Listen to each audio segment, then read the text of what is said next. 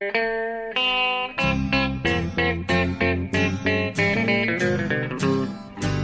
out there, we're on the air. It's hockey night tonight. Tension grows, the whistle blows, and the puck goes down the ice. The goalie jumps and the players bump, and the fans all go insane. Someone roars, Bobby scores at the good old hockey game. Oh, the good old hockey game is the best game you can name.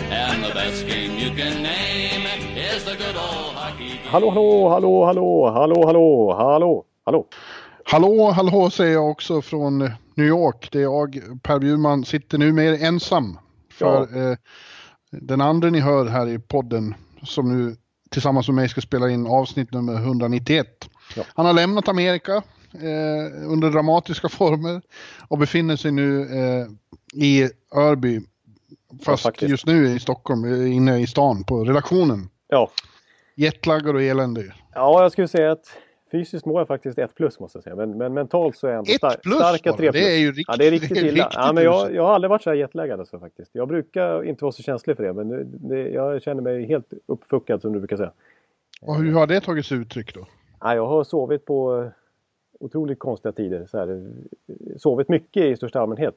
Somnat så här klockan fem på eftermiddagen och vaknat klockan sex på morgonen och sen ja, varit uppe en stund och sen somnat igen. Och så, ah. Men eh, Ja, kommer man, in, kommer man in i det fel så är det, då är det ju, kan det bli jävligt jobbigt. Det- Och det blir bara svårare ju äldre man blir ska jag är det så? Det, låter, det är oroväckande det här. För så här skulle det Ja. inte behöva vara. Nej, men, eh, det, Men det beror väl på att, eh, att, eh, att, du- sista natten du var här så sov du inte så mycket. Du var ju eh, eh, skakad och oroad då. För att eh, allt hade ju gått så bra i två veckor. Du hade inte trampat på några klubbmärken, inte snubblat in i några spelare. Den enda som var lite irriterad var Godars i ja, var, det var Philadelphia. första dagen så att det, efter det så lärde jag mig verkligen. Ja. Eh, Och inga andra större problem heller. Du gick liksom inte vilse här på Manhattan och försvann till Queens. Nej, Men i allra sista stund, när det är påskafton och- vi lämnar Madison Square Garden eh, och det är mindre än ett dygn tills du ska åka hem, då kommer du på att jävlar, passet är borta. Passet som du alltid har med dig efter, när du är ute i USA eftersom Ja. du ser ut som 12 år och inte, inte får beställa i barer utan riktig legitimation. Nej, precis. Jag måste ju ha det med mig hela tiden för att det ska gå. Ja. Så att, eh, ja, nej, det var... eh, Det var en major Voine-Voine situation kan man Ja, säga. jag- För att som sagt, det var en påsk, svenska konsulatet stängt, det är mindre än ett dygn tills du ska, ska åka. Det är kväll, man får inte tag i någon. Eh, Ja, det var, det var lite rörigt där. nästan ångesvettningar när jag pratar om det nu när jag ska försöka uppleva det här igen. Nej, men det var, det var tungt. Det var ju som fin kväll. Vi hade sett Tampa vinna med 7-3 mot Rangers. Och sk- skulle gå ut och fira lite grann sen. Och sen så precis när, vi, när jag ska dra fram passet där för att eh, försäkra att jag inte är 12 år när vi går in på en bar där. Så det är då jag liksom känner det. Och jag kände ju direkt att det här någonstans är passet. Och Ja. Eh, ja, och sen eh, vi, vi valde ändå att ta några värsta för att liksom För att lugna ner för att dig. lugna ner mig lite grann. Ja, precis. Det var, det var nog bra i, så här, i efterhand. Eh, Vi var inte ute och fira att Tampa hade vunnit som det lät på dig. Nej. Vi var inte med och firade några sådana serier. Nej, Vi var ute och firade att det var en trevlig resa. Exakt. Eh, Ja. Träffade några trevliga fick norrmän också. Ja. Ja, ja, ja det gjorde vi. Men eh, till slut då så löste det så här ändå. Det, det visade sig att eh, eh, du hade tappat den på pressläktaren på Garden. Den hade hitt, passet hade hittats av security så du fick hasta tillbaks på söndag morgonen. Fick tag i ditt pass och varit lättad som ingen har blivit lättad tror jag hela världshistorien. Nej, det, var, det kan nog ha synts på mig. Att, nej, jag, Ja, det var ju det var ju stor risk. Hade du inte fått tillbaka det, då är det stor risk att du hade varit kvar än. Eller åkt Precis. typ idag. Exakt, för det var ju alltså påskhelgen. Helgen. så jag, jag testade innan jag sprang tillbaks till Garden igen. För då visste jag hade, du hade ju mejlat och jag hade försökt vara i kontakt med dem sådär. Så hade jag ju försökt ringa svenska konsulatet och svenska ambassaden och utrikesdepartementet om det gick att få något så provisoriskt snabbpass. Men de sa ju bara, nej det är ju påskhelg eh, kära barn. Det Ja. går inte. Då får du vänta till tisdag, onsdag liksom. Så att då, då hade jag inte suttit här idag och spelat in den här podden. Så att, Nej, då hade du suttit här och funderat. ja, precis. Att, Men det är inte det sämsta. nej, det hade inte varit sämre. Jag hade förmodligen mått bättre än tråkigt. vad jag gör nu. ja. Ja. Ja, ja, och jag med. För det, det blev ju tomt här när du försvann. Man, Baloo saknar sin Mowgli som har åkt tillbaka till människobyn. Ja. Nej, men det... så här, nu, nu ska jag försöka komma tillbaka till verkligheten efter det här traumat jag just har återupplevt mentalt. Nu. Jag, jag känner att jag, jag öppnar den här podden svagt lite grann. För att jag liksom, när jag ska gå igenom det här igen så, så, så blir det tankevurpor. Men ja, det var en fantastisk... Sucka lite djupt och slå ja. dig själv i pannan. Så, så ja, jag, jag, har suttit, jag sitter inte still kan jag säga. Utan jag liksom åmar mig ja. fram och tillbaka här vid datorn. Men... Ja, eh, ja. ja. Det, är lugnt, det, det, är lugnt. Det gick ju bra Johan. Ja, det gjorde ju faktiskt det. För en gångs skull. Eh, och, och, och eh, ja, men det var, det var en uh, mycket trevlig resa måste jag säga. Hela, hela vägen alltså. Från ja, vad ska vi säga till... om, uh, hur ska man sammanfatta det som vi inte har hunnit prata om i förra podcasten? Vi såg väl någon match till där ja. Vi såg Devils ja. uh, Pittsburgh en gång till. En bra match där, där, där ja. Sidney Crosby slog, återigen gjorde ett baseballmål när han var framme i overtime. Sköt i stolpen och sen så studsade pucken rakt ut kanske 2,5 meter, 3 meter och så battade han in det som ett baseballslag. Igen. Ja. ja. Den är kvar. Snyggt. Ja, det är ju en väldig känsla. Men det var hett och bra och, och Jersey gjorde det bra där också. Eh, även i den matchen.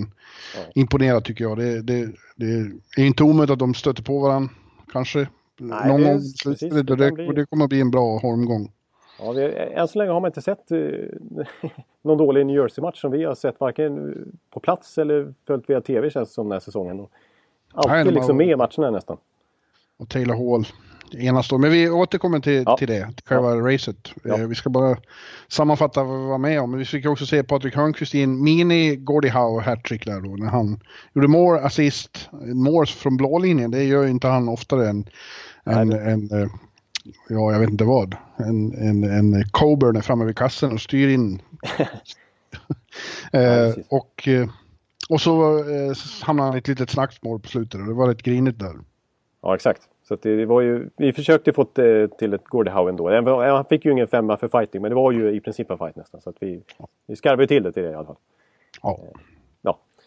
ja, och sen var det den avslutande matchen då på påskafton på, eh, på Garden. Eh, Rangers sista hemmamatch för säsongen och det kändes jävligt underligt måste jag säga. Eh, att liksom, jag kan hänga av med säsongsackrediteringen redan i slutet av mars som det var då.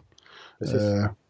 Aldrig Mycket hänt? underligt. Nej, det har aldrig hänt. De har ju missat slutspel en gång tidigare under de här åren jag var här under Lundqvist-eran och det var 2010 men då var de ju med faktiskt. Ända till sista omgången och eh, ända tills det var straffavgörande. Ja, just det. Just det. Så, och så, sådana här matcher har de aldrig spelat förut. Har Lundqvist pratat om. De har aldrig spelat grundseriematcher som inte har betytt någonting. Nej, som bara varit en ren transportsträcka där de facto har det ja. som vi brukar vara inne på att man hellre vill förlora nästan. I alla fall från management-håll.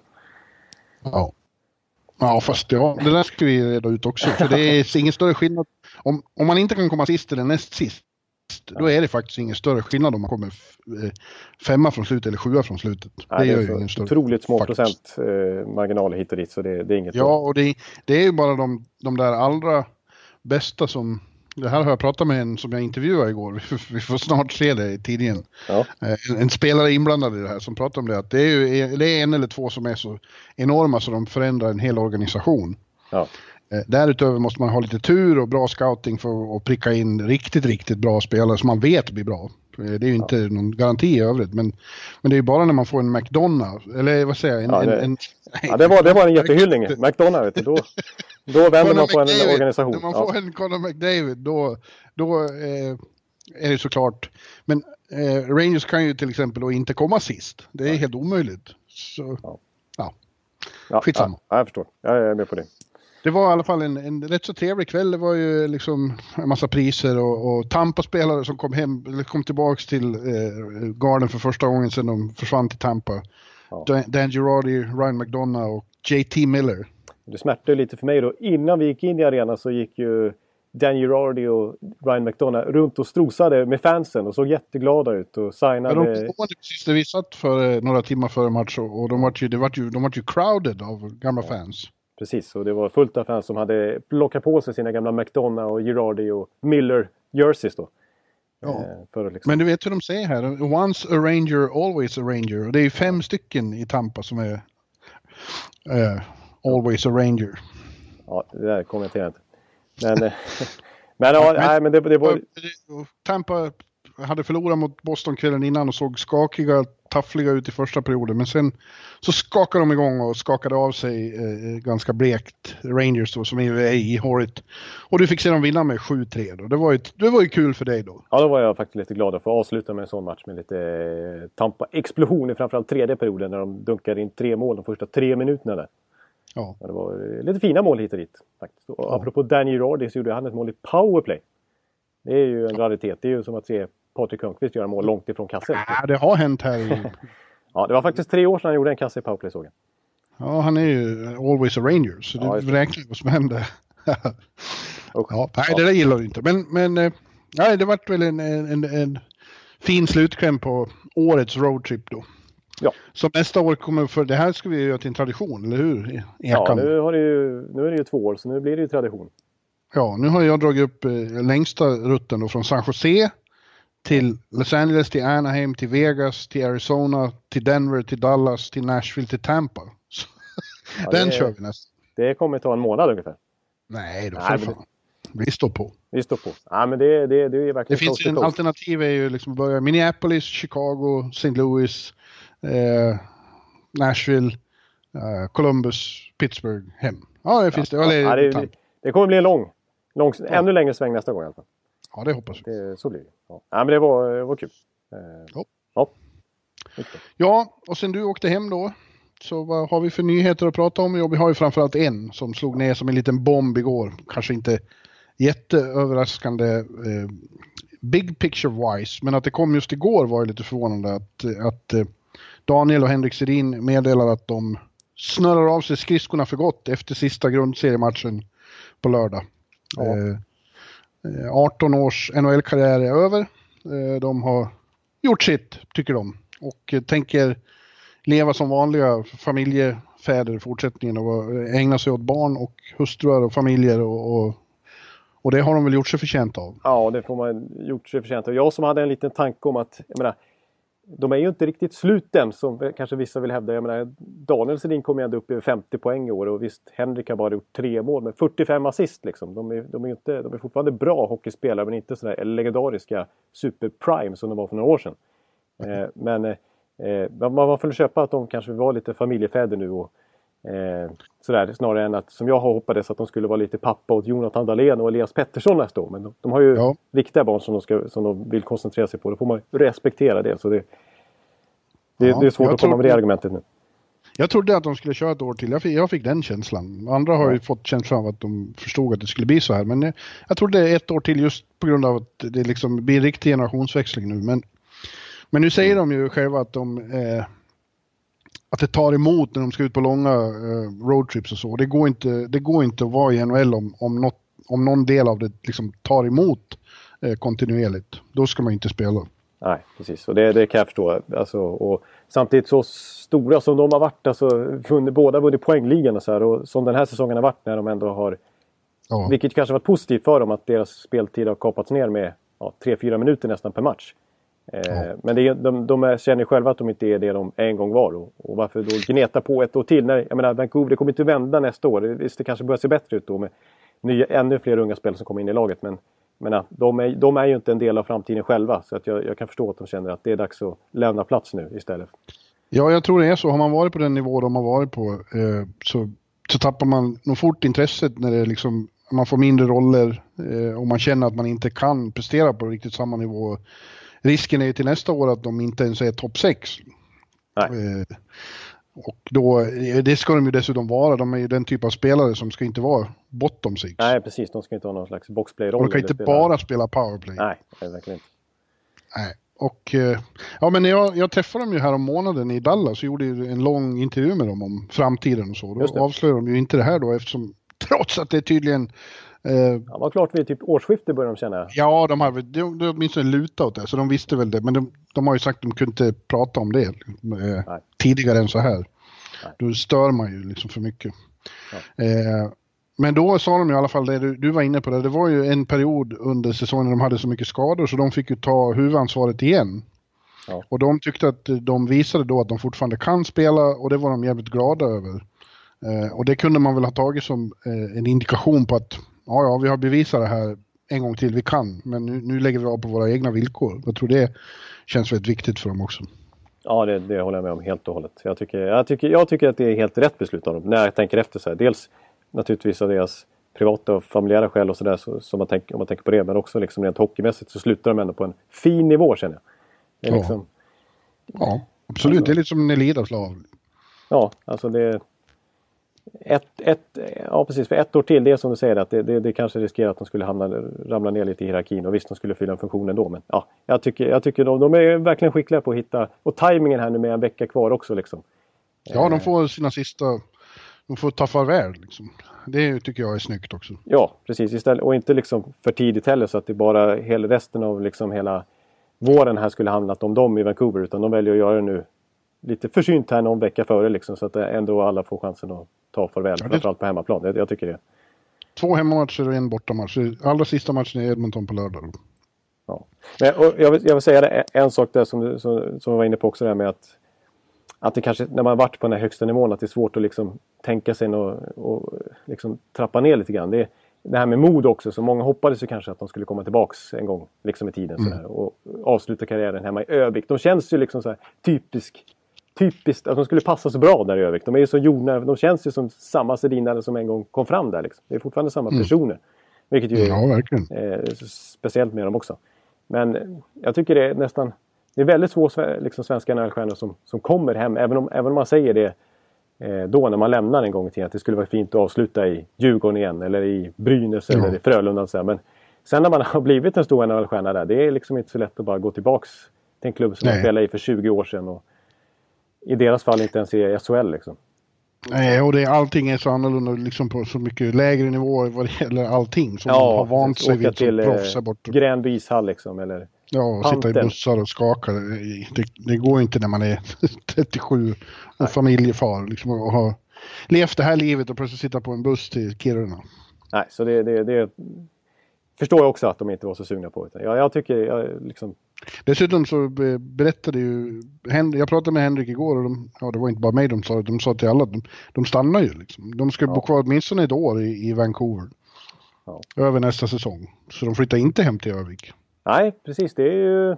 Ja, men det, och, nej, men det är inte så förvånande trots allt ändå. För att de har ju verkligen blivit alltså, extremt förknippade med Vancouver. Alltså, dels är de djupt rotade där och trivs så bra där. Men hela stan har verkligen tagit till sig dem till slut här. Eller till slut, men i början var det lite kämpigt. Men sen dess, en decennium lider ut, så har de verkligen varit face of the franchise. Two faces of the franchise. Och Ja, liksom, det, det, Ja. Man läste ju om eh, så här, lokalradio där borta var det folk som ring, ring, ringde in och grät. Liksom, över, Ja. att, över att de ska sluta. Det är liksom en institution där borta som lägger ner. ja, det är ju en era som tar slut. Eh, och eh, de, de har ju liksom blivit vuxna människor. De var ju små, småknattar när de kom dit. Och har bo, bott där i 18 år. Då, då blir man ju liksom... Eh, man blir lika mycket kanadik som man är svensk. Ja, precis. Och barnen är ju uppväxta där. De känner Ja. sig som kanadicker kanske. Och då de där åren när de var som bäst. då, Så det känns ju som, en, som ett privilegium att ha fått vara här och, upp, och uppleva liksom när vi i sista omgången fick ringa upp eh, Daniel han hade vunnit poängligan. Eh, det var ju fantastiska eh, år faktiskt. När de var så otroligt bra. Ja, ja precis. Det var, det var lite jobbiga år också för det, var- man fick alltid vara uppe här på nätterna till, och fick tag i dem vid två, halv tre New York-tid. Ja, just det. det, det, det just den biten Intervju. slipper du gärna. Nej då, det hade jag gärna gjort igen om de fick uppleva det. Och så, och så gick de ju till final då, som, som Henke svarade igår på höjdpunkt och, och, och lågvattenmärke var samma sak. Det var att de gick till finalen 2011 och att de fick stryk. Att de inte lyckades vinna den då. Fick stryk i Game 7, det var ju ett, ett svart ögonblick. De hade chansen att bli Stanley Cup-mästare på hemmaplan. De fick bara en chans. De är ytterligare ett exempel på att när man får chansen så måste man ta den i princip. Ja. Eh, och fick stryk i Game 7 hemma. Det måste ha varit så fruktansvärt plågsamt. Ja. En dröm som krossades där. Och ändå så var ju de då de som stod i omklädningsrummet efteråt i timme efter timme och pratade fast det var förmodligen helt vedervärdigt att göra. Ja, det är ju... Det tycker jag är så typiskt dem också. Ja, de- ja, det är fantastiskt. Alla har ju vittnat om det nu att de har aldrig haft så bra lagkamrater. Det har ju varit en skur av sådana tweets och uttalanden överallt om vilka hedersmänniskor det här är. Och de är verkligen två och- i- otroligt vänliga personer med mycket integritet samtidigt. Ja, men precis. Och, och, dels från svenska, från Hedman, från Lundqvist, från alla möjliga. Kronvall, men också från väldigt mycket borta i NHL. Alltså, eh, ja, journalister och från Roberto Longo, från eh, Patrick Sharp, från, eh, ja, men från alla möjliga. Alltså, ja. Vem som helst egentligen kan man ju vittna om. Eh, som har tokhyllat, och framförallt de, de som personer. För att det som, det som är lite speciellt med dem är ju att de har, de har alltså, kanske inte så mycket senaste år, men framförallt deras första halva av NHL-karriären fick de otroligt mycket skit. Mm. Och när de kom in i ligan och inte riktigt, det dröjde ju 3-4 år, fram, framförallt till lockouten då där 2004-2005 så, så stod de och trampade på 30-40 poäng. Och Vancouver hade investerat så mycket i att få in dem. Det var ju liksom, det var ju, hade ju roddat det så extremt mycket för att kunna och tradat haft sig för att kunna drafta båda efter varandra där. Tvåa, trea. Eh, I mm. praktiken etta, tvåa skulle jag säga. Eh, vi behöver inte gå in på den historien. Patrik Stefan gick ju etta men egentligen var det ju Sedin som gick etta, tvåa. Det var ju en överenskommelse där. Eh, men så att, så att tanke... Vad gör du nu? Det låter som du håller på att öppna ett kolapapper. Är det sant? Ja. Jag, jag, är så, jag är så vild nu så att nu får jag ja. tagga ner. Ja, men eh, så att, att de inte liksom eh, blev de här point per game-spelarna direkt. Det fick du mycket. Och att de var menar, de var ju tidiga med det här med att snurra cycle game. Det var ju ganska nytt i slutet av 90-talet att se spelare mm. åka runt och snurra runt och utnyttja hörnerna på det viset. Mm. Eh, men det tyckte man inte om i, i Kanada och sådär. Att, att liksom, två svenskar som bara gled runt och passade och var liksom väldigt ödmjuka och, och, och, inte stod upp för sig sådär, tyckte de. Ja, det där känns som en gammal historia som man inte behöver bry sig om längre. Nej, de har bevisat för, för länge sedan att... Men, men sånt där har de ju aldrig brytt sig De har verkligen aldrig brytt sig om. De har aldrig liksom, och de har aldrig liksom svarat de kritikerna på, på samma nivå. De, de har liksom alltid, alltid varit sig själva hela tiden. Ja. Eh, trots liksom all den kritikstormen som har varit emot dem under lång tid. Det tycker jag är anmärkningsvärt också, att de alltid har liksom alltid varit samma killar. Liksom. Ja. Ja, enastående bra att ha att göra med och ja, fantastiska hockeyspelare. Det ska ju, alltså, den här unika kemin de hade det var ju många som pratade om telepati och sånt, att, de, eh, att det var någon slags hokus pokus med tvillingar. Ja. Men det har de ju sagt flera gånger, det handlar inte om det. De, de råkar bara vara de enda två i hela, på den här nivån som har spelat ihop sen de var små och fortfarande spelar ihop. Det finns ju ingen annan som spelar en NHL-kedja med den han spelade i, i liksom sjuårsåldern. Nej, det är sant. Ja. Så de, de vet ju bara, ja de har alltid vetat vad den andra är. Liksom. Eller de har ju lärt sig hur den andra åker och så vidare. Sen, sen absoluta barnsben, så ja. Ja. ja, jag kommer ihåg sådana som Hjalmarsson och, och Murray sa att det fanns, det var den största utmaningen när de var som bäst, att spela mot de två. Det var nog fruktansvärt jobbigt. Ja, det är hyfsat betyg och så, så var det verkligen för, ska vi säga, 7-8 år sedan. Då var de ju typ bäst i NHL. Alltså, ja. så, så bra var de faktiskt. Och de ja. har ju varsin Hart, eller en, eh, Henrik har väl en Hart och eh, Daniel har en Ted Lindsey som framröstar som bästa spelaren själva. Så det är inga, ja. inga dåliga utmärkelser att ha på CVt. Eh, och faktum Nej. är att alltså apropå Face of the franchise, franchise där borta i Vancouver så, så sen de debuterade då 2000 vid millennieskiftet så har det bara varit sju matcher Vancouver har spelat utan någon sedinare på isen. Ja, det är galet. Så att, eh, verkligen eh, stämpel på det laget. Alltså.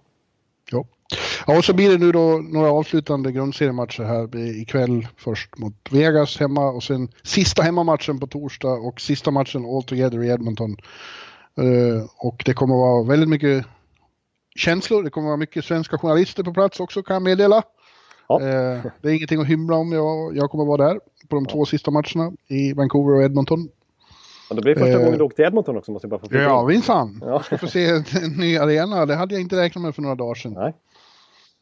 Eh, men det går inte att missa dessa ikoners avslutande Ja, det är lite för matcher. stora svenska legendarer för att inte ja. Bjure ska, ska närvara helt Ja, att inte Aftonbladet ska ja, precis. Självklart. ja. Så det får vi nästa vecka när vi kör eh, en preview inför första slutspelsomgången. Då blir det också rapport från västra Kanada. Exakt, precis. Så det överlever, så vi ska, vi ska brasklapp. ja, men det, det, det, så blir det. Ja. Det slår jag fast i alla fall. Ja. ja, men hörru du. Som sagt, ja. nästa vecka då vet vi när vi, när vi spelar in vem som kommer att möta vem i slutspelet och vilka som slutligen av de som fortfarande inte är klara som går dit. Ja. Eh, och det är ju inte helt eh, hundra än på alla håll. Nej. Några Det- saker är klara. Wa- Washington vinner Metropolitan igen. Det vet vi. Det vet vi. Mm. Pittsburgh är klara för slutspel. Boston, Tampa, Toronto är klara för slutspel i öst. Mm. I väst har vi eh, Nashville, Winnipeg och Minnesota klara i Central. Vegas har vunnit eh, Pacific, otroligt nog. Ja. Och San Jose är klara. Exakt. Så i öst är det fortfarande kamp om tre platser. Sista i Metropolitan och de två wildcard-platserna. Men det känns... eh, Det kan vara avgjort eh, vilka som går till slutspel i alla fall ikväll. Om Florida förlorar mot eh, eh, Nashville samtidigt som Devils vinner sista Battle of Hudson River mot Rangers. Då är det klart. Ja, då Och det, det klart. känns som Florida har visserligen en match mindre spelade men de har fem poäng upp till. Det, det, det låter kanske inte så mycket eh, för den som inte är insatt, men fem poäng i det här läget under strecket, det är nästan omöjligt.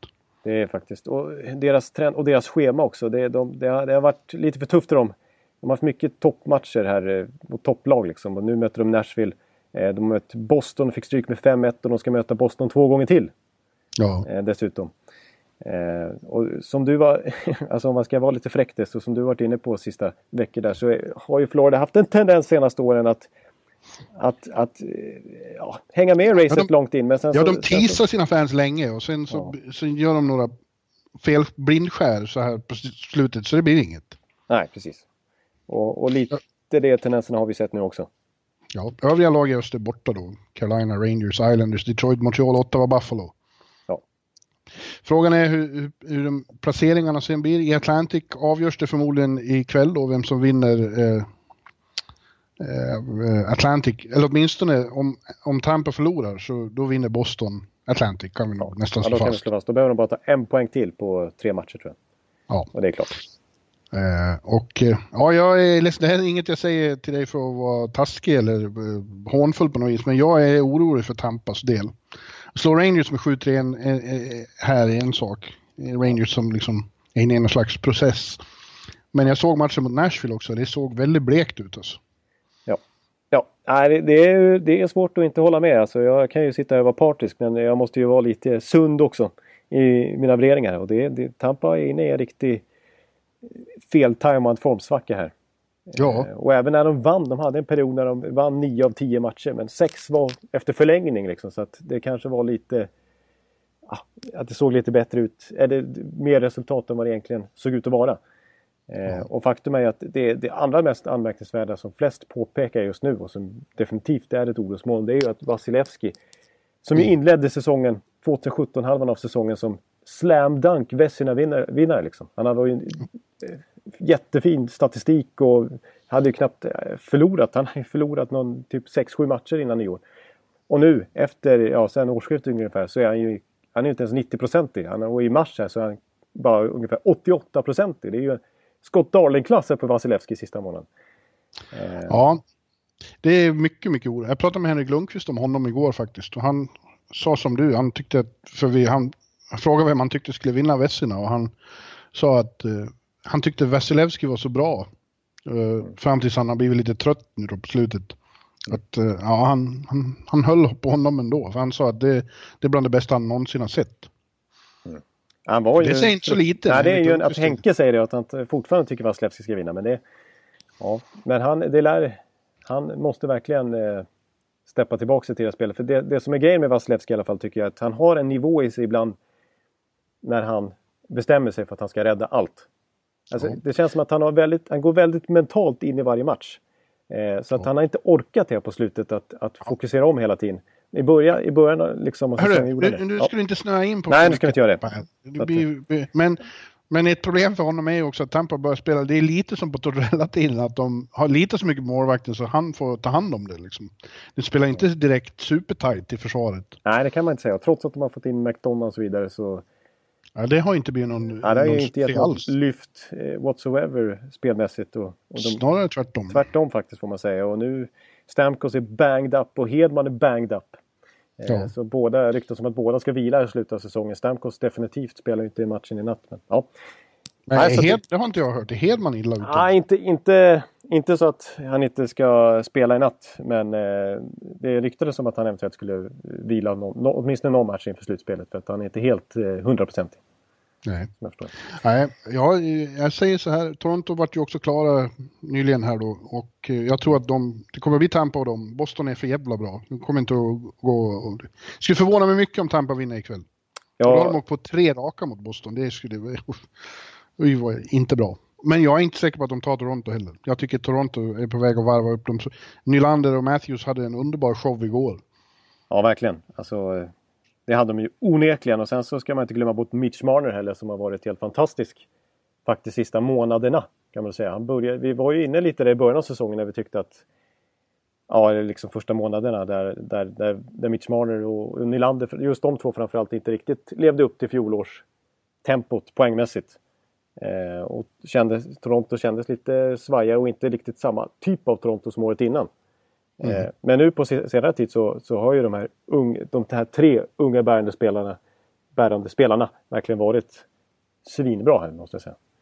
Oh. Så att jag tycker, jag menar, alltså Toronto kliver över 100 poäng här igen. Det, det, eller att de gör det, det tycker jag ja, de är, det är ett jättebra lag. Det är, det är klart ja. att de kan hota vilket lag som helst också i ett slutspel. Ja, det känns som de, eh, Babcock har sett till att kalibrera det här så de, de eh, vässar sin slagkraft lagom till det blir verkligen dags nu. Ja, ja usch, de, de känns eh, farliga. Ja. Det måste jag. Vad gäller inbördesplaceringarna bland de här Metropolitan-lagen då så är det fortfarande jävligt spännande. Det är fyra lag som... Det skiljer alltså bara eh, tre poäng mellan Pittsburgh på, på plats två och New Jersey på sista wildcard-platsen. Mellan sig har de Philadelphia och Columbus. Och det är ju väldigt svårt att, att sia om hur det kommer att sluta. Nej, det känns ju otroligt. Pittsburgh är ju fortfarande så här, de är jättebra ibland men sen så... Eh, ja, de trampar fel. De trampar fel mot på oväntade ställen. När man tänker ja. sig att de ska köra över något, något lag. Eh, som de inte gör. Liksom. Nej, de fick stryk mot Washington i sista grundseriemötet. Ja. Ja. ja. Eh, och, och, jag, tycker så här, jag tycker nästan lite synd om Columbus. Även om, jag, och, om de för en månad sedan skulle sagt, man skulle sagt till dem att eh, ni ligger ändå på tredje plats i Metro här nu. Eh, då skulle de köpt det direkt för att de var ju rätt illa ute där ett tag i februari. Mm. Eh, men alltså att ha vunnit 12 av 15 matcher, de var bland annat 10 matcher i rad. Och ändå inte riktigt alltså, eh, ligga bättre till. De, de, de riskerar ju att hamna både efter både New Jersey och Philly till slut. Ja, alltså, det gör de. Och Philly tycker jag känns som de trendar på, åt rätt håll. Ja. Ja, men jag tycker... Och New Jersey med för övrigt. Eh, ja, nej, men det, är jävligt svårt att lyssna här på papegojan. Jag tänker tro på Washington. jag tycker att det, det är något eh, annorlunda med Washington den här säsongen. Jag tycker det finns något avslappnat som inte har funnits där förut. Du lägger in dina eh. marker på Washington? En Nej, jag ska bara varna för att man ska inte bortse från dem heller. Det är ett väldigt bra lag ja, alltså det är ju så starkt att de går och vinner divisionen igen här. Det, det, ja. det tippade vi ju faktiskt inte inför säsongen här för att eh, vi tyckte att de hade tappat för mycket. Att ska de kunna verkligen ha den här slagkraften igen? Eh, och så kliver de upp och gör en över 100 poäng igen liksom. Ja, eh. jag tror att en viktig detalj här på slutet framförallt har varit att eh, Philip Grubauer har gjort en Keith Kincaid och gjort sig till första målvakt. Ja. Han är just nu bättre än Holtby. Och ska nog vara den de rider in på i slutspelet tror jag. Alltså det är ju verkligen en intressant situation där. Både kortsiktigt och långsiktigt hur de ska göra nu. För att Grubauer har ju faktiskt varit väldigt bra här på slutet. Och jag ja, tror faktiskt... precis som Kincaid i New Jersey. Ja, jag tror faktiskt Grubauer, om man räknar från bör... första december och sånt där, så har han faktiskt bäst statistik i de här ja. vanliga. Kincaid har ju inte fått spela lika mycket. Det är ju bara sista veckorna han har liksom ja, det... från en vacklande Schneider. Ja exakt, medan, medan eh, precis så Holtby också för den delen som visserligen har faktiskt skärpt till sig lite här nu när, eh, när Mitch Corner kommer ner från sin eh, lite högre roll som han har haft den här säsongen och, och Hansson jobbat lite med, med Holtbys målvaktsspel. Eh. Så har faktiskt Holtby skärpt till sig lite, gjorde en bra match mot St. Louis här. Men det var ju Grubauer som stod mot Penguins, den här riktigt viktiga matchen där, där, där Caps clinchade divisionen.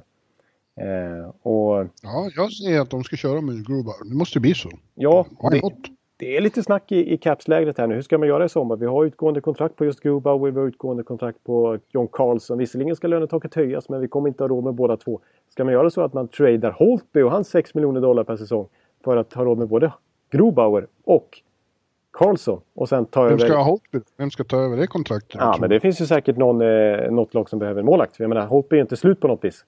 Eh, så, så jag tror att... Islanders? Ja, Islanders till exempel. Nej, det finns nog många lag som skulle tänka sig att ta Holtby i så fall. Eh, och så i sin tur kommer ju faktiskt Ilja Samsonov över från KHL. En jätteprospect, första runda val av Washington. Eh, som ju... Alltså, det är ju ett jättefint eh, mållag på G där också. Nu är du så långt utanför Topic och åker skridskor så jag ser det knappt. alltså, nej, men det är, eh, ja, men det är intressanta eh, val här faktiskt eh, för Washington att göra. På, ja, på, men nu pratar vi om vem som ska gå till ja. slutspel och inte. Ja. Inte vad de ska göra i sommar. Nej. ja, nej men... Eh, jag, jag, vi kan ju räkna bort Florida i alla fall. Det blir de här lagen. Sen så är själva ordningen här, den är ju extremt svår att, att se om för det är så otroligt tajt. Jag hoppas, man hoppas ju att Philadelphia tar sig upp på tredje plats så det blir Pittsburgh Philadelphia. Låt oss säga så. Ja, vi, vi slår fast det. Det vill vi i alla fall ha. Så är det. Ja. Say hello to a new era of mental health care. Cerebral is here to help you achieve your mental wellness goals with professional therapy and medication management support. 100% online. You'll experience the all new Cerebral Way, an innovative approach to mental wellness designed around you. You'll get a personalized treatment plan from a therapist, prescriber, or both in a safe and judgment free space. Your cerebral therapist or prescriber will outline a customized plan with clear milestones along the way so you can get to feeling your best. With Cerebral, you're not alone in your mental health journey. We're here to empower you to live a fulfilling life. So take that first step towards a brighter future and sign up today at cerebral.com slash podcast and use code ACasts to get 15% off your first month. Offer only valid on monthly plans. Other exclusions may apply. Offer ends July 31st, 2024. See site for details. Ja. Och som sagt i väst då så är det, ja nu är det fyra lag som är indragna i, i kampen där. Minnesota säkrade ju eh, eh häromdagen. Eh, genom att slå Edmonton. Men de har ju åkt på en rungande smäll också. Det visar sig att Ryan Suter skadade sig mot Dallas och nu är han borta resten av säsongen. Han, eh, han har fraktur i foten och kan inte spela mer. Och det är ju deras nummer ett back. Det är ju katastrof. Det är ju den, eh, jag tror han, han mest istid i hela NHL. Det är bara Drew Dowdy som har tre sekunder mer per match. Så det är verkligen ja. Mr Minnesota nästan. Ja, det är ett, ett jävla slag. Ja, det, det tror jag blir svårt att, och återupp, liksom, alltså, bara ersätta honom liksom, rakt upp och ner. Eh, tittar man ja. på deras backsida just nu utan honom så visst, de har några hystade namn, men de som har fått fylla på underifrån i tredje backpar, det är inte så skräckinjagande i en tuff central division. Eh, så det Nej. kan nog varit nådastöten för dem. Ja, ja absolut. Eh, ja. Det som återstår där då är Los Angeles är nu på tredje plats i Pacific med 96. Anaheim är på första wildcard-plats med 95. Colorado på andra eh, wildcard-plats med 93 och St. Louis precis under strecket med 92. Sen är väl Dallas jag, matematiskt fortfarande med men det är ju precis bara on the brink och bli eliminerade också. Ja, jag undrar om de kanske till och med är. De har fem poäng upp. Ja. De har tre matcher kvar, står på 88 poäng. Ja, eh, ja. Är, matematiskt kan de ju komma ikapp eh, Colorado. Om alla förlorar resten och de vinner så går de väl ikapp. Ja, nej, men de är, de är borta. Nej, för de har... De har eh, vänta nu, hur många poäng? De kan vara 90, 92, 94 kan de få. Ja, men då kan de klara sig visst dit. Om de andra får stryk. Ja, det, det, det räknar jag bort. Ja, det kan vi göra. Ja. Eh, så frågan är vad som händer i St. Louis. Ja, jag, jag blir förbryllad. Igår hade de till exempel chansen om ett, ett Washington som spelar back-to-back och första delen av back-to-back hade säkra Metropolitan första platsen och då tänkte man att de kommer inte, de kommer vara liksom för avslappnade och St. Louis som har hur mycket som helst att spela för kommer vinna det här men de var ju faktiskt inte riktigt i närheten ens. Nej, det är konstigt där. Det är St. Louis som ju... Jag menar förra podden då hade de ju vunnit eh, 7-8 raka matcher. Vi hypade upp dem lite grann och sa att vi kanske det börjar bli dags att ta dem på allvar nu. Eh, men eh, sen dess har de ju de har åkt på 0-6 mot Arizona till exempel sen dess också. Ja, just det, just det. Ja, det var ju den stora plumpen. Ja. Så, eh, Så deras hopp är väl då att Colorado inte heller... De har åkt på två... De fick en poäng mot Anaheim borta, men då tappade de ju 3-1 ledning i sista perioden och så fick de stryk på övertid. Och så fick de stryk mot LA igår. Ja. Så de, de kanske förlorar sig in i slutspelet då. Men det, de har också åkt på, på tunga skador alltså. Att Varlam ja. var borta och att Erik ja, Johnson blir borta. Förmodligen Ja. resten av säsongen. Men det har ju, St. Louis har ju också tunga skador. Ja, precis. De kan verkligen skylla på skador om de vill. Ja. Eh, så att, eh, såg jag nu, St. Louis har dubbelmöte mot Chicago här. Ja, Och Chicago, jag såg att Patrick Kane sa det, att vi har inte mycket att spela för, men tanken att få jävlas med St. Louis skulle vara underbar, få dem att missa slutspelet. Det är mycket gammalt ont blod mellan de två lagen. det kan man onekligen säga. De har, har ju verkligen alltså på alla möjliga plan. Jag kunde dra en lång historia där men jag avstår från den. Ja. Men, eh, Men om man ska gissa då så tror jag att Los Angeles och Anaheim klarar det här. Colorado och St. Louis törs jag knappt uttala mig om. Vi, vi, det, någon av dem tar sista platsen. Exakt, det, det är lite som att säga, något av de lagen kommer kanske förlora sig in i slutspelet. Så får vi se Ja. vilket det blir. Eh, men eh, som du säger, båda LA-lagen där känns ändå rätt heta. Jag tycker Kings har gjort det bra de sista månaderna. Ja. Eh, och ett populärt statement har ju varit att säga att Jeff Carter var det minsann den bästa deadline-förstärkningen. För han kom ju tillbaks precis i samma veva. Och har ju gått in och faktiskt öst in 17 poäng nu på 18-19 matcher sedan, sedan dess. Mm. Eh, Och det är klart att det har ju verkligen hjälpt dem. Eh, och tagit några rätt feta segrar här. De torskade visserligen just mot Anaheim, men för några veckor sedan när de vann till exempel med 7-1 borta mot Colorado. Den där fyramålsmatchen av Anse. Eh, de har haft några statement-matcher tycker jag. Ja. Där, där, där, där LA markerat att, att de är rätt vassa fortfarande. Eh, och, För fan. Ja, ja visst. Och sen måste jag faktiskt lyfta fram en svensk i Anaheim. Alltså. Det är en som jag inte tycker vi har, som vi inte pratar så mycket om. Alltså. Han är lite bortglömd, Rickard Rakell. Det är han väl inte? Nej, men han är inte bortglömd, men det är klart han spelar, han spelar All-Star och... och det är vi Jag tänker mycket på Rickard Rakell om dagarna. Ja, det gör det. Ja, det Ja, gör men jag. alltså, återigen kommer han upp över 30 mål. Det är Ja. en riktigt bra sniper vi har här. Ja. Eh, 66 poäng har han på 74 matcher. Det är ja, då missar han ju, ja, han missar ju många där i början, eller många, några stycken. några stycken. Nej, men alltså det är... Alltså Rakell är, Jag tror, det känns så här i Sverige att, kanske inte som lyssnar på NHL-podden som följer NHL och sådär, men alltså att man inte riktigt förstår att det är en riktig first liner. Alltså det är en klassspelare. Alltså på, på, på hög, hög NHL-nivå. Eh, så att ja, han, han, jag tycker han förtjänar att lyftas fram ännu mer. Alltså, måste jag säga. Ja då. Ja då. Jonte, hur skulle du ha sagt det? Du roade, underhöll ju mig enormt mycket här sista dagarna eh, när du var i USA. Genom att plötsligt visa det var rena Bosse Parnevik eh, när det kom till imitationer. Och bland annat så gjorde du ju då Borlängemål, eller dalmål, framförallt eh, byggt på din kamrat Marcus Sims falubördiga. Ja, jag, låter, jag, jag, jag får be om ursäkt till Sim här, för jag, tycker, jag tror inte han tycker jag låter som han riktigt. Men, Men jag tycker det lät fruktansvärt. Säg nu att, eh, säg till exempel, Rickard Rakell är en underskattad spelare. ja, men Rickard Rakell då, det- han är en riktigt underskattad spelare. Vet du. Han är fantastisk du, med, med pucken. Nej, nu, nu, nu blev det... Ja, nästan nu av- överdrev du för Nu, mycket. ja, nu det, nej, precis, jag, var, jag var bättre där borta. Alltså. Ja, det var det. Du sa att Max Pacioretty står i Det kontoret. finns flera kontor i NHL. Du har ju Ovechkin borta i, i, i, i Washington och så har du juX Pacioretty va? till höger. Va? Ja, du överdrev. Det var bättre Ja, här. det var bättre. Ja, jag kände, jag fick inte in känslan. Jag, jag tror jag, jag, det, Du får rampfeber. Det är så många som Ja, ska det är lyssna. för många som lyssnar. Jag kom inte alls in, in i den här gången. Jag ber om ursäkt. Det blev fiasko där. Eh, Ja, men du kan säga, kom ihåg att säga DD när man läser DD uppe i Dalarna. Ja, ja, nej, jag, jag, måste... Jag måste Tänk på, på Tänk på Persim.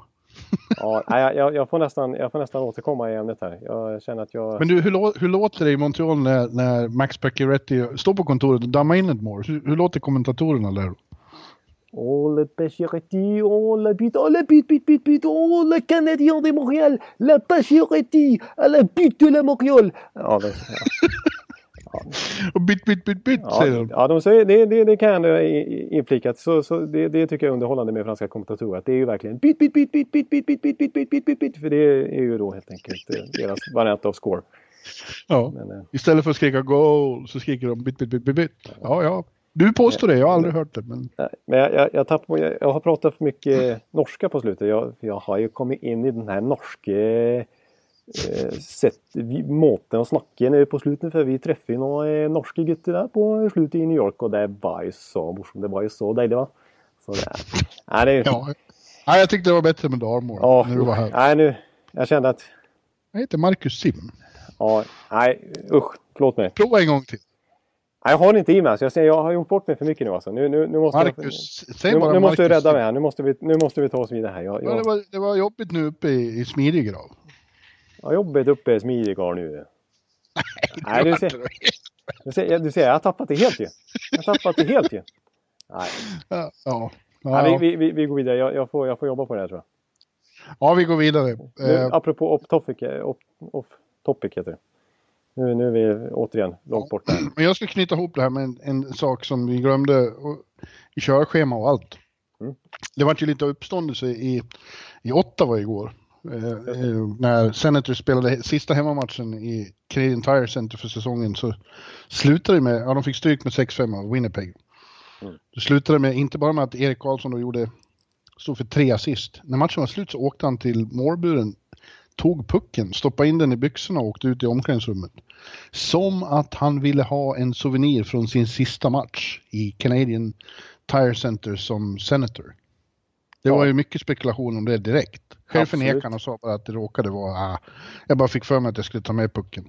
Jag tänkte inte på att det var sista matchen, men det vet det fan. Det, det har, alltså det, så gör man inte. man, man åker inte bara, äh, men, äh, men jag tar med mig pucken och smugglar med den här. Det, råkar vara en random Nej, i match. så här. fall det vore ju konstigt. Typ. Ja.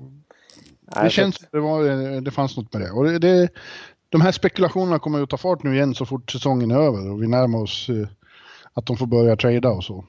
Ja, ja, jag är, är nog ganska säker på att det kommer bli eh, alltså att, eller nästan kan skriva hem att Erik Karlsson kommer bli tradad. För det var ju så otroligt nära. Det var ju otroligt, otroligt nära eh, vid deadline. Eh, Bob Ryan hade ju redan räknat med ett exempel, har ju mer eller mindre uttalat sig om. Eh, att, att det var klart. Han hade fått eh, det eh, framfört till till sig. var? Ja, det visste han, inte, han har sagt till Western Conference Team, förmodligen Vegas då. Ja, Så eh, ja det det, kommer det, Erik kommer, det, kommer ju, det kommer bli en trade i sommar. ja, Eh, Och därför tog Erik Karlsson pucken för att få ett sista minne av sin tid i Ja. Canadian Tire. Ja, då får han säga vad han vill. Eh, Och Ja. tydligen. Johan Ekeliv säger att det Ja. är så. Då, då, då vet man att då är det så. Du, hur länge har vi hållit på nu då? Du som, har, du som är... Nej, inte Kamrer. så värst länge ändå. 47, 48 någonting. Ja, då fortsätter vi lite då. Ja, det kan vi göra. För du tyckte att eh, eftersom det här är sista grundseriepodden, den, grundserien är över nästa gång vi hörs. Ja, Så tyckte du att det går åtminstone, även om inte allt nu då är klart, så går det åtminstone att, peka på lite överraskningar, positiva, negativa, vem som har inte varit bra, vem som har varit bra. ja, precis. Det blir ju lite upprepningar från hela säsongen här. Men jag tänkte att vi knyter ändå ihop grundseriesäcken nu när vi inte hörs något mer eh, under själva grundserien. För nästa gång då är det faktiskt preview-avsnittet som gäller. Då blir det ju slutspelsfokus. Ja, det. det blir det verkligen. Eh, Men om du ska säga två, du får säga en stor, eh, du kanske har tänkt något annat här, men jag tänkte ja, ja. din största positiva överraskning i öst och din största negativa överraskning i öst och så samma sak med väst då. Ja, eh, i öst. Eh, ja, men den största positiva överraskningen i öst, det måste ju vara lagmässigt, det är väl ändå New Year's Devils. Absolut. Eh, Absolut, jag tycker att, ja. Jag, jag, jag vill i och för sig nämna Boston också. Jag hade Ja, jag inte rätt. trott att Nej. de skulle vara så här jävla bra. nej, det var, alltså de flesta tippar ju Boston ungefär. Många hade dem på slutspel, men många hade dem snäppet under också. Ungefär. Jag, jag tänkte att de skulle vara ett bubbellag igen, liksom, men klarare kanske än den här gången då. Precis Eh, så. Men, men eh, så de har ju varit, sista månaden så har de väl typ varit bäst i ligan. Absolut, och det här skulle ju vara ett transition-år för dem. Det var ju en så kallad rebuild on the fly här. När de Mm. skulle slussa in en Charlie McAvoy och en Danton Heinen och en Jake DeBrusk. Och i början av säsongen snackades det om Anders Bjork och så vidare. Eh, Ja. Men det, då, då, de skulle ju inte vara någon slags maskin här som skulle gå och vinna eh, den östra konferensen på något sätt. Det var ju inte egentligen planen. Eh, men de har ju varit så fruktansvärt bra och det är ju häftigt att de har kunnat vara så här bra när de faktiskt är... De har använt alltså sex rookies totalt sett den här säsongen. Och det är mest i hela NHL. Och ändå Ja. är de bäst kanske. Ja. Eh, Så att eh, extremt eh, lyckad transition här och mycket ska väl tillskrivas Bruce Cassidys ledarskap. Verkligen. sätt Jag tycker att, att, han är... spela Alla, hockey. alla pratar ju om galant som Jack Adams. Självklart Jack Adams vinnare och det kanske han är. Men jag tycker att en, en normal säsong utan expansion-lag så hade ju så hade Cassidy vunnit. Jag tycker fantastiskt jobb han har Ja. gjort med det laget. Men samtidigt som du säger, New Jersey var ju tippat som bottenlag. Ja, och eh, har varit på slutspelsplats i princip hela säsongen. Ja, faktiskt. Nästan. De har ju någon enstaka dag som de varit utanför i princip. Ja, och det är inte bara det att de är bättre än vad man tror. De spelar ju en, en helt annan hockey än man tror. Eh, eller trodde att de skulle... De hör till de kvickaste, mest energiska och explosiva lagen ute där. Ja, visst. Ja, de spelar ju verkligen modern hockey. Och de har ja. moderna spelare. De är ett väldigt ungt lag. Eh, ja. Och har... Eh, visst, och, det tycker jag är lite synonymt, synonymt här med, med, med, många lag och många spelare den här säsongen. Att, att många som inte haft så stora förväntningar på sig har verkligen presterat, svar, gett svar på tal. Liksom. Ja. Eh, men eh, eh, New Jersey har ju verkligen liksom men även nu när de har fått lite press på sig och haft något att förlora så tycker jag de har svarat upp väldigt bra här i sluttampen av säsongen. De har ändå tagit väldigt många starka segrar mot tufft motstånd. Verkligen, och de har klarat sig fast deras givna första målvakt som man trodde för åtminstone tre veckor sedan ja. har svajat så mycket. Precis, och det hade den andra målvakten har kommit upp och varit grym.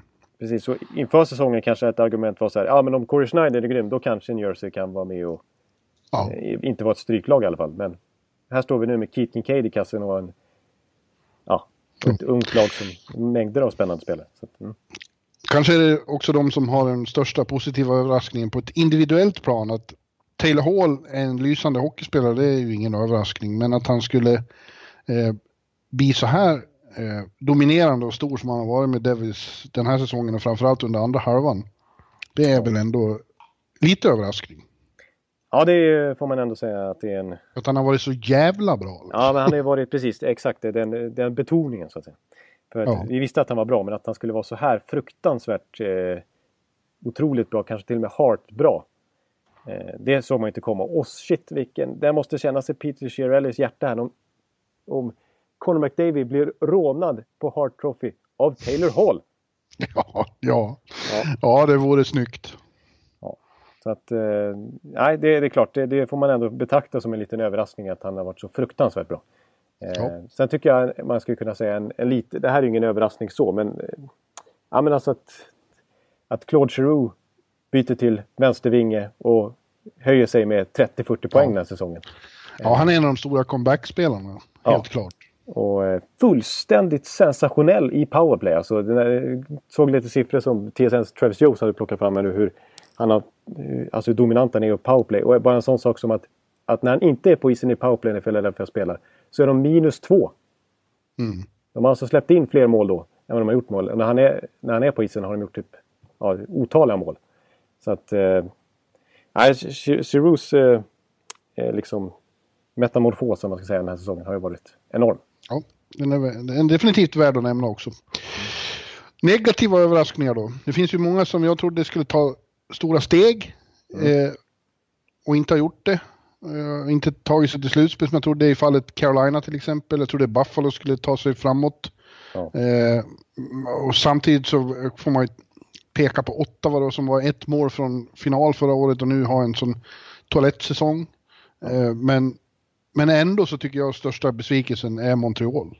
Ja, jag skulle, jag skulle precis, jag väntade till att du skulle komma till Montreal för det, det måste ja. ändå understryka att det är den största besvikelsen. Ja, jag trodde att med, med Claude Julien som coach hela säsongen och med, med Drouin inne där och på något vis känslan av att det, det var något, något på väg att hända där. Eh, och så blir det bara kattskit. Precis, alltså Mark Bergevin verkligen markerat och det här är de är i sin prime nu. De ska vinna nu innan, innan eh, Max Paciorettys kontrakt går ut och han blir mycket dyrare. Och Carey Price som skriver sitt monsterkontrakt i somras. Och den här Drouin-traden då. Och så Claude Julien som man sparkar Michel, Michel Therrien för att ta in och nu ska han få en hel säsong på sig. Och så ja. blir det sånt här. Jag menar, förra året vann de ändå divisionen. Nu ja. är de alltså 40 poäng bakom. Eller ja, nu överdriver jag. Men de är, jag menar, de är inte i närheten. Så mycket överdriver du väl inte? Nej, faktiskt inte. Det gör jag ju inte. Så att, eh, det, det, det, golvet gick ju totalt uppe i Montreal. Eh, en säsong när de skulle gå för det. Ja. Så att, eh, det är ju en jättebesvikelse. Och det ser ja. ganska tufft ut där inför sommaren också måste jag säga. 31 poäng efter. Ja, ja det är mycket. Nej, inte, ja, vi sa Montreal. Nej, de är... De är nej, jag glömde det. Ja, men jättemycket. Ja, Ja, nej, det, det var så individuellt och det, det, kan man ju peka på många. Förresten, jag skulle bara säga att de i någon mån är alla under strecket besvikelser att de inte har gjort det bättre. De enda som jag liksom hade räknat med att de skulle hamna exakt där de hamnar är Detroit. Ja, precis. Ja, de hade vi ju typ sist. I alla Nej, fall jag hade, inte, jag hade dem där någonstans. Ja, de där. Ja. Mitt i klungan. Och, och där hamnar de. För det, det, tråkigt nog så har de ju ett ihåligt lag. Ja, precis. Det... Individuellt finns det väl många som, som inte har kommit upp dit man... Den som, det finns ju oerhört många skäl till det, men Erik Karlssons första halva av säsongen var ju en besvikelse sett till vad han har liksom brukat gjort. Men det har ju funnits väldigt eh, eh, goda förklaringar till det. Han var skadad och, och det var det här jävla hysterin med, med, med trade. traden. Det störde honom enormt. Och Ottawa överhuvudtaget naturligtvis. Alltså, ja. med ägarsituationen där. Då. Men nu är han ju inte så, så alltså hans stats är ju helt okej. Ja, de är helt okej i år igen. Ja. Han är över 60 poäng igen. Det finns ingen back som är i närheten av det att ha producerat. Det är det fem raka 60 poäng säsongen. Nej, precis. Han är, han är fyra i poängligan. Backarnas poängliga igen. Exakt, och alla underliggande siffror talar ju verkligen gott om Erik Karlsson, hur extremt överlägsen framförallt han är sett, sett till vilka lagkamrater han har. Ja. Alltså vad han presterar utifrån det. Ja, så vem är besvikelse individuellt då? Är det ja, men jag, jag, Ska jag sopa på Montreal tyvärr här igen nu, stackars Sim här som jag håller på att imitera dåligt och allt möjligt. Så då blir det väl Carey Price. Jag menar som ändå är... Inte Pacioretty då? Ja, Pacioretty som också gjort det... Eh, Pacioretty, säg det nu då. Försök på säga det som du gjorde här. Max Pacioretty. Max Pacioretty. Nej men jag har, jag har, jag har ju tappat det totalt. det går inte. Det är ju roligt det, bara det. Ja, just, usch. Men, äh, men Carey Price som ändå från och med nästa säsong här ska bli den bäst betalda målvakten i NHL på över 10 miljoner per säsong, dollar. Eh, och visst, han har haft skador den här säsongen. Eh, flera gånger om, men eh, han har ju långt ifrån varit världens bästa målvakt i alla fall. Ja. Eh, och jag menar, Montreal är ju verkligen avhängigt en, en superkeeper där bak för att det ska gå vägen för dem. Ja. och det har inte de fått den här säsongen. Men jag vill nämna, just som jag sa, Drouin också. Jag trodde han skulle bli någon slags katalysator där i Montreal, men det har han inte blivit. Nej, precis. Och där, det blir ju fel där, han helt plötsligt förväntas bli första center när han egentligen är ytterforward. Liksom. Oh. Men ändå, han, man, man trodde ändå mer om honom eh, så här, eh, ändå oavsett. Eh, sen får jag väl nämna Scott Darling också, apropå målvakten. ja, det har du rätt i. Carolina investerar väldigt mycket i och som var en stor anledning till att de hoppades kunna lyfta till slut för att målvaktsspelet skulle lösa sig. Men Scott Darling har ju inte motsvarat förväntningarna överhuvudtaget. Nej. Tittar vi i väst då, det är ju inte så svårt att utse den största positiva överraskningen. Den är nästan utom tävlan ju. Ja, Vegas. det är nästan så att, man, att de är inte med längre för att de är... Nej, det var ju så självskrivet att de skulle komma sist för att eh, några skitsäsonger måste man ta som expansionlag när man har hittat identitet och fått spelare att fungera ihop. Ja. Och så går de och vinner Pacific och, och slår alla jävla möjliga rekord. Och, och, ja, det är galet. Ja, det, det, det finns så mycket trådar man kan ta upp där, men det men vi har pratat så mycket om dem så ja. man får nästan bara konstatera att utöver dem då ja. så är ju, ja, ja det, är, det är flera som Winnipeg, jag trodde inte de skulle vara så här bra. Man vet att de har mycket talang och potential men vi hade ju bilden av att de är så glada för att vara med. Men nu har de ju börjat tycka att det är roligt att vinna också. Eller ja. viktigt att vinna. Precis. San Jose tycker jag också har, har överträffat alla förväntningar. Ja, lite som Boston på dem också, att de är inne i en liten ja. transitionfas egentligen där de inte skulle vara så här bra redan nu. Nej, jag trodde de skulle vara bubbellag och få svårt att... Bubbellag? Nu har jag börjat imitera mitt eget ja. Bubbellag. Bubbellag. Jag, jag trodde de skulle vara, hamna och få svårt att gå till slutspel. Ja, jag tror jag hade dem utanför faktiskt. LA samma sak, bättre än förväntat. Och Colorado då som kom tillbaks från från eh, sin katastrofsäsong i fjol och nu är eh, slutspelskandidat ända in i det sista. Ja, verkligen. Alltså Colorado är nog ändå, skulle jag säga, den största överraskningen efter Vegas i hela NHL. Man räknar ja, båda konferenserna, så med tanke på att de ändå tar bara 48 poäng i fjol, det historiskt sämsta resultatet någonsin. Och behåller truppen ganska intakt och samma tränare får vara kvar där i Bednar. Och sen så i början av säsongen så, så trädde de bort Matt Duchene och får liksom lite framtidsspelare för honom. Om man tänker att menar, de satsar inte ens på slutspel utan det är ju återigen ska de ta ett litet steg framåt nu. Men så håller de på att gå till slutspel och Nathan McKinnon är någon slags Heart-spelare han också. Och Ja. mängder i det där laget har lyft sig. Eh, Ja. Så att eh, det såg man ju inte framför sig inför säsongen. Nej. Och under strecket då, där är det nästan bara besvikelser. Eh, och framförallt då så är det väl eh, i fallande ordning Calgary, nej Edmonton, Calgary och så Dallas. För mig är värsta besvikelsen eftersom jag hade dem som finallag och nu ser de Ja. ut att fucka upp det här trots sitt, så, trots vad som ser ut som en, en contender-trupp, tycker jag. Ja, det är ju, det är ju bredden där som var... Men den är, den är sämre än vad, än vad man trodde. Alltså, ja, vi var Ja, inne det är ju på... bara, det är ju tvärtom, de, de, de har ju, det är på djupet de har svikit. Deras bästa spelare har verkligen varit bäst. Exakt. Eh, Men jag, jag tycker också alltså... Jag undrar, vi pratade en hel del om Dallas förra veckan och, och Ken Hitchcock och hur det har påverkat dem att han har verkligen har tajtat deras försvar sett, sett mot förra säsongen i alla fall. Men jag undrar om inte, alltså hans sätt att använda till exempel Jason Spezza. Men Spezza har gått från en, en, väldigt bra NHL-spelare till att göra 25 poäng i år och spela 11 minuter per match. Ja, han kan vara den stora individuella besvikelsen Ja, men jag faktiskt. tror ändå att det har lite grann att göra med Hitchcocks coachning också som verkligen begränsar spelare i andra, tredje, fjärde kedja att, att få chansen att kliva Ja. fram. Alltså. Jag, jag, Ja, jag kanske tror det har ett samband faktiskt. Ja. Inte omöjligt där, analytiken från Örby.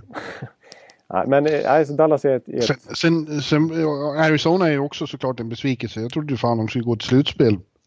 Och, men man får ju framförallt se till deras start då, som en, som en, en flopp av bibliska format. ja, de förlorar allt. Ja. Jag trodde ju verkligen det var dags för något där, men ja. och det tänker jag kommer jag att tro nästa säsong också, tror jag. Ja, alltså det, ja, alltså... Kan ju vara så att, att de tog ett steg bakåt för att ta två steg framåt nästa år. Man vet Ja. inte. Det har sett väldigt bra ut här på slutet av säsongen i alla fall. När de visserligen inte haft någon som helst press på sig och ingenting att spela för och bara kunnat lira ut.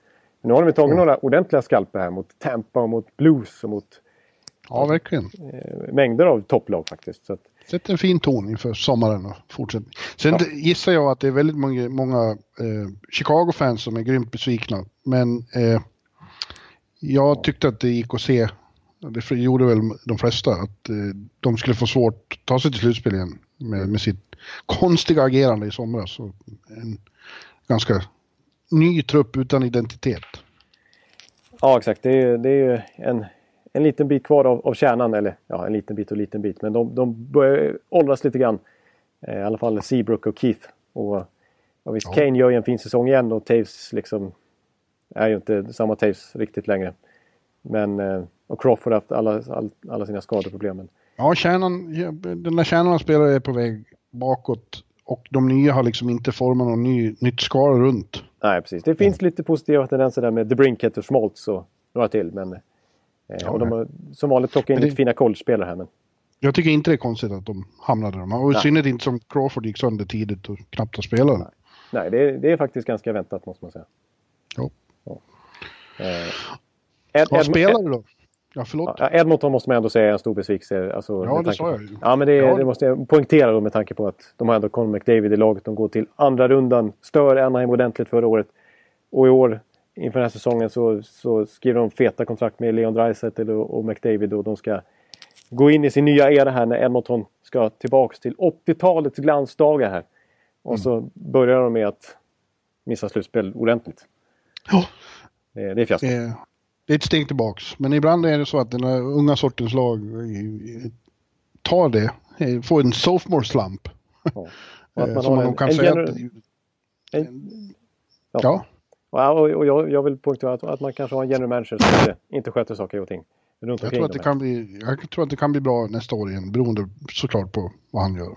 Och Vancouver, ja, jag trodde att de skulle hamna där de hamnade. Det, det är ingen, ingen... Det är tråkigt men det är ingen jätteöverraskning. Precis. Nej, nej det, de, har, de hade ju för, för svag trupp.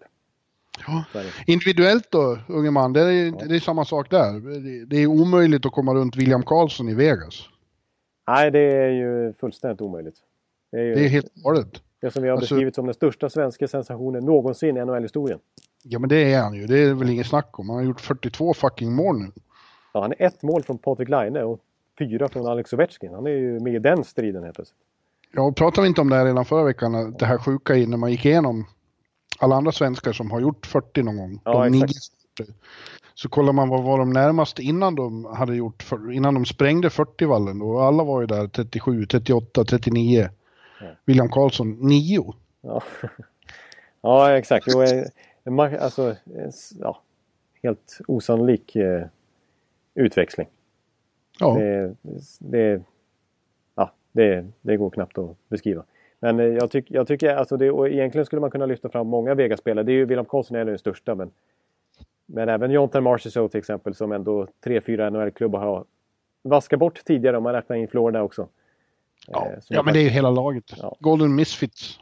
Så Ja. kan man ju säga. De vart ju ratade allihop. Exakt, på ett eller annat sätt. Men det går också att nämna, tycker jag, på, i alla fall här på slutet då, Evander Kane. Eh, som har varit sån succé i San Jose sen han tradades dit. Precis. Eh, revansch för honom. Ja, revansch för att det var, det var ju vissa lag som inte ville ta i, i honom med tång med tanke på vad man har hört om honom, hans personlighet. Så, här. så han har kommit in och lyft upp detta Sharks. Ja. Jag, jag, Ja, individuella besvikelser då. Du nämnde ju Jason Spetzer där. Han är ju en av dem, även om det nu då kan vara Hitchcocks fel. Men du nämnde också Duncan Keith. Det var ju något intressant här. Han slog alla tiders skitrekord på något vis. Vad var det? Han har ju inte, han har väl skjutit mest skott utan att göra mål. Ja, exakt. Eh, för han har inte gjort mål va? Jag tror inte det. Nej. Det är om han ska göra det mot St. Louis här på slutet men... Eh, Hur vet- kan det ha blivit så? ah, han, har gjort, han har gjort ett mål nu. Jaha. Det har jag missat. Ja, men det- han. Ja, när gjorde han det då? det måste han ha gjort nu alldeles... Eh, Men jag tror fortfarande han är skjutit mest och gjort minst mål. Ja, så måste det vara. Han är exakt. Han kanske... Nej, han kanske inte gjort målet på slutet. Det, det är väl det då helt enkelt. Att han har inte... Han har skjutit... Han har lägst skottprocent typ, om man ska säga. Ja, vänta ska vi se. Det var ju jättelänge sedan han gjorde det målet. Ja. Jag ska ta om för det nu. och- Det var 15 februari mot Anaheim som han gjorde säsongens enda mål. Ja. Men han har, han har rekordet i eh, helt enkelt skjutit mest och gjort minst mål. Ja. ja det det, som är, men ni, ni, ni statsen tycker ju att han ska fortsätta med det för det är bäst när man skjuter. ja, visst. Han är ändå bättre än William Karlsson för att han skjuter så mycket, Ja, eller hur? Ja. Nej. Nej, men... Eh, nej, men det är klart att... Eh, att han är värd att lyfta fram det som en, som en besvikelse. Ja. Har du några fler? Några målvakter i Eh. väst som du är upprörd över? Ja, jag kan börja med en som inte är målakt som jag tycker är lite besvikelse. Det är ju faktiskt eh, lite oväntat med kanske att lyfta fram, men eh, Dylan Strome. Alltså som jag ändå, jag menar, vi hade ju är McDavid. nere på låga nivåer. Ja, men alltså vi hade, han var ju ändå en, jag menar, det var, alltså, man, Arizona, de, de, de kom ju sista året. De skulle få McDavid. det sket sig i draftlotteriet. De fick inte ens Eichel. De fick nöja sig med Dylan Strome. Men han skulle bli så bra ändå. Det skulle ju vara en andra, den tredje center från den där draften som skulle vara liksom lite av en franchise player. Men det fortsätter med att han han har svårt att slå sig in i NHL alltså. Han har gjort en jättefin AHL-säsong i alla fall. Men det är lite signifikativt för Arizona den här säsongen att Dylan Strome inte lyckas slå igenom. Eh, det var ju så viktigt för dem eh, Ja. Trodde man. Men det är lite andra talanger på gång ändå så det kanske inte är kört. Trots allt. Men är har någon målvakt? Eh, Skitsamma. Det är, det är väl Jake Allen i St. Louis. Då. ja, som ändå var, varit Ja, bra här på slutet. Han var bra på slutet i alla fall. Ja, Eh, ja. nej, Men, eh, eh, men jag kan väl, så, som positiv kan vi, glömde vi att nämna Eric Stahl i alla fall. Som också Ja, gjorde gjorde vi. 40, 40 mål eh, och eh, tystade lite kritiker. Och, och Oskar Dansk. Alla målvakter som kom in i... Alla, i alla Vegas-målvakter. ja. Eh, faktiskt. Ja. Nej men... Eh, ja, men du, nu tror jag att jag ska börja packa för resor och eh, skriva, greja lite. Ja, du ska ju precis. Precis. Du har ju eh, vittnat om tidigare i podden här att du minsann ska åka iväg någonstans. Ja, Eh, så det kommer rapporter nästa vecka. Ja. Som sagt. ja, men det låter trevligt. Då, eh, då ska Då, absolut. Eh, men då tycker jag att vi, vi stannar där. Ja, vi gör det och nästa vecka så blir det som sagt, då kan det bli lite längre podd för då är det preview inför slutspelet och vi ska försöka slå våra eh, underliga hjärnor ihop och komma fram till hur det kommer att gå. Ja, precis. Det känns som att vi... Ja, jag ska fundera hela veckan här på att säga nu. För att, eh, jag får inte vara så dålig i tipset som jag var i grundserietipset inför alltså. Ja. Det, Ja, det blir jävligt spännande. Alltså när det väl, när det väl grundserien är avslutad och agnarna skilda från vetet, då brukar det bli en enormt euforisk känsla att se att nu har vi de här matcherna. Det blir fantastiskt. Det blir fantastiskt. Och just de här åttondelsfinalerna i början här, det, är, det är fantastiskt. Först, ja, då är alla så jävla eh, frustande. Ja, de så det blir fruktansvärt taggade alltså. Det är helt ja. sjukt vad de är taggade. Ja, det blir mycket lugnare senare i slutspelet. Då blir det mer tak taktiskt och så. Ja, precis. Och matchups och, och, och, och rutinerat. Men nu i början så nu kommer det bara... Nu är det liksom... Ja, det bara smäller. Det bara smäller. Ja. Men vi, vi, vi nöjer oss där och så, så hörs vi nästa vecka helt enkelt. Det gör vi. Jag, jag Tack och bock och hej! Hej! Hallå, hallå, hallå! Hallå, hallå, hallå! Alex Chiazot, Joe Luis Arena och Esposito. Esposito. Uttalsproblem, men vi tjötar ändå.